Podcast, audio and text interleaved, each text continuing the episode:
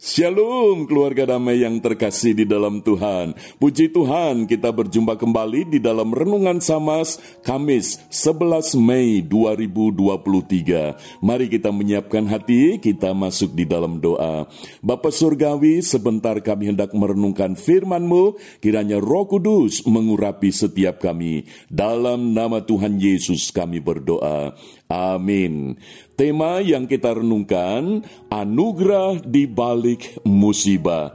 Firman Tuhan terambil di dalam kisah para rasul, pasal 27 ayat yang pertama sampai dengan ayat yang ke-12. Namun sebagai dasar perenungan kita, saya akan membaca ayat yang pertama, ketiga, dan keenam. Demikian firman Tuhan. Setelah diputuskan bahwa kami akan berlayar ke Italia, maka Paulus dan beberapa orang tahanan lain diserahkan kepada seorang perwira yang bernama Julius dari pasukan kaisar. Ayat yang ketiga, pada keesokan harinya kami singgah di Sidon. Julius yang adalah perwira itu memperlakukan Paulus dengan ramah dan memperbolehkannya mengunjungi sahabat-sahabatnya supaya mereka melengkapkan keperluannya. Ayat yang keenam, di situ perwira kami menemukan sebuah kapal dari Alexandria yang hendak berlayar ke Italia. Ia memindahkan kami ke kapal itu. Keluarga damai, ini merupakan kisah perjalanan Paulus bersama para tahanan oh menuju ke Roma. Ini bukan sebuah perjalanan wisata, tetapi ini merupakan perjalanan di mana Paulus akan diadili di kota Roma. Maka itu ini perjalanan yang boleh dibilang ini adalah sebuah musibah karena Rasul Paulus ketika memberitakan Injil ditangkap dengan beberapa orang dan ditahan dan sekarang tiba waktunya akan diadili untuk dijatuhi hukuman. Jadi ini perjalanan bukan sebuah wisata tetapi ini sebagai tahanan. Namun demikian Rasul Paulus mengalami providensia Tuhan, merasakan pemeliharaan Tuhan sehingga kalau tema yang kita renungkan anugerah di balik musibah, apa saja anugerah Tuhan di balik musibah yang dialami oleh Paulus di dalam perjalanan menuju ke Roma ini. Paling tidak yang pertama kita bisa melihat bahwa Paulus sebagai tahanan itu mendapat perlakuan yang baik dari seorang perwira Julius dari pasukan kaisar. Keluarga damai sebagai perwira pasukan kaisar, tentu dia akan bersikap kasar terhadap tahanan. Tetapi tidak demikian. Ini merupakan anugerah Tuhan. Sekalipun di, di dalam musibah, anugerah daripada Tuhan itu dinyatakan. Paulus mendapat perlakuan yang baik. Yang kedua kita bisa melihat bahwa ketika sampai di Sidon, perwira Julius itu mengizinkan supaya Paulus ini bisa ketemu dengan sahabat-sahabatnya. Ini merupakan resiko yang besar.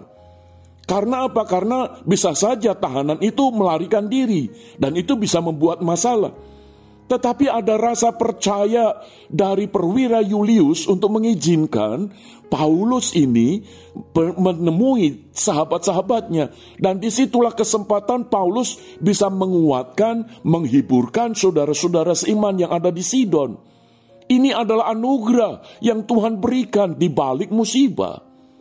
Lalu yang ketiga kita bisa melihat bahwa di dalam perjalanan ketika mereka mengalami angin sakal, mereka bisa menemukan kapal yang ukurannya lebih besar lagi, dengan fasilitas yang lebih canggih lagi, yang lebih nyaman lagi.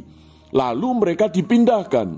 Keluarga damai, Rasul Paulus bersama rekan-rekan tahanan yang lain tidak pernah menyangka bahwa akan dipindahkan ke kapal yang lebih baik lagi.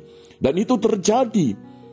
Keluarga damai, anugerah di balik musibah itu bukan hanya dialami oleh Rasul Paulus kurang lebih 2000 tahun silam, tetapi Tuhan Yesus yang tidak berubah dulu, sekarang, dan sampai selamanya juga akan tetap menyertai setiap orang yang percaya kepada Dia.